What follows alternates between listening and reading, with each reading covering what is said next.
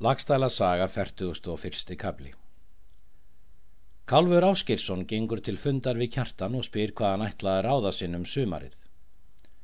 Kjartan svarar Það ætlaði ég helst að við myndum halda skipi okkur til Englands því að þangað er nú góð kaupstefna kristnu mönnum.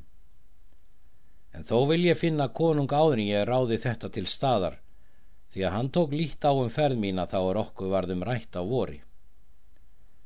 Síðan gekk kálfur á brott en kjartan til máls við konung og fagnar honum vel. Konungur tók honum með blíðu og spurði hvað í tali hefði verið með þeim félugum. Kjartan segir hvað þeir hefðu helst ætlað en hvað þó það sitt erindi til konungs að byggja sér orlofs um sína ferð. Konungur svarar Þann kost mun ég þér gera á því kjartan að þú farir til Íslands út í sumar og brjótir menn til kristni þar, annarkvort með styrk eða ráðum. En ef þér þykir svo för tórsóttleg, þá vil ég fyrir engan mun láta hendur af þér, því að ég virði að þér sé betur hend að þjóna tygnum mönnum heldur en gerast hér að kaupmanni. Kjartan kaus heldur að vera með konungi en fara til Íslands og bóða þeim trúna. Hvaðst eigi deila vilja ofur kappi við frændur sína.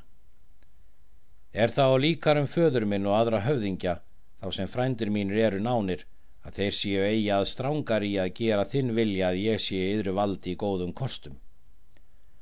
Konungur segir, þetta er bæði kjörið hyggilega og mikilmannlega. Konungur gaf kjartanu öll klæðin í skorin af skarlati. Sömdu honum þau því að það sögðu menn að þeir hafi jafn miklir menn verið þá er þeir gengu undir mál, Ólafur konungur og kjartan. Ólafur konungur sendi til Íslands hyrðpressin er þangbrandur hétt. Hann kom skipi sín í Altafjörð og var með síðuhallum veturinn að þvott á og bóðaði mönnum trú, bæði með blíðum orðum og hörðum refsingum. Þangbrandur vóð tvo menn þá er mest mælt í móti. Hallur tók trúum vorið og var skýrður þvottadaginn fyrir páska og öll hjón hans og þá let gissur kvíti skýrast og hjalti Skeggjason og margir aðrir höfðingjar. En þó voru þeir miklu fleiri er í móti mæltu og gerðist á tröytt óhætt með heiðnum önnum og kristnum. Gerðu höfðingjar ráðsitt að þeir myndu drepa þangbrand og þá mennir honum vildu veita forstóð. Fyrir þessum ófriði stökk þangbrandu til Noregs og kom að fund Ólafs konungs og sagði honum hvað til tíðinda hafði borð í sinni ferð og hvaðst að higgja að eigi myndi kristni við gangast á Íslandi. Konungur verður þessu breyður mjög og hvaðst það ætla að margir Íslendingar myndu kenna á sínum hlut nema þeir riðu sjálfur á vitsing. Það sama sumar var Hjalti Skeggjason sekur á þingjum Góðgá. Runolfur Úlsson sóttu hann er bjó í dal undir Eyjafjöllum hinn mesti höfðingi. Það sumar fór Gissur utan og Hjalti með honum, taka Noreg og fara þegar á fund Ólafs konungs.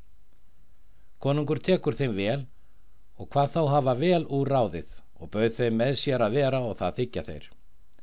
Þá hafði svertingur svon Runóls úr dal verði í Nóri um veturinn og ætlaði til Íslands um sumarið. Flaut á skip hans fyrir bryggjum albúið og beigð byrjar. Konungur bannaði honum brottferð, hvað engin skip skildu ganga til Íslands það sumar. Svertingur gekk á fund konungs og flutti málsitt bað sér orlofs og hvað sér miklu máli skipta að þeir bæru eigi farmin af skipinu. Konungur mæltu og var þá reyður. Vel er að þar sé svon blótmannsins er honum þykki verra. Og fór svertingur hvergi. Var þann vetur allt tíðinda laust.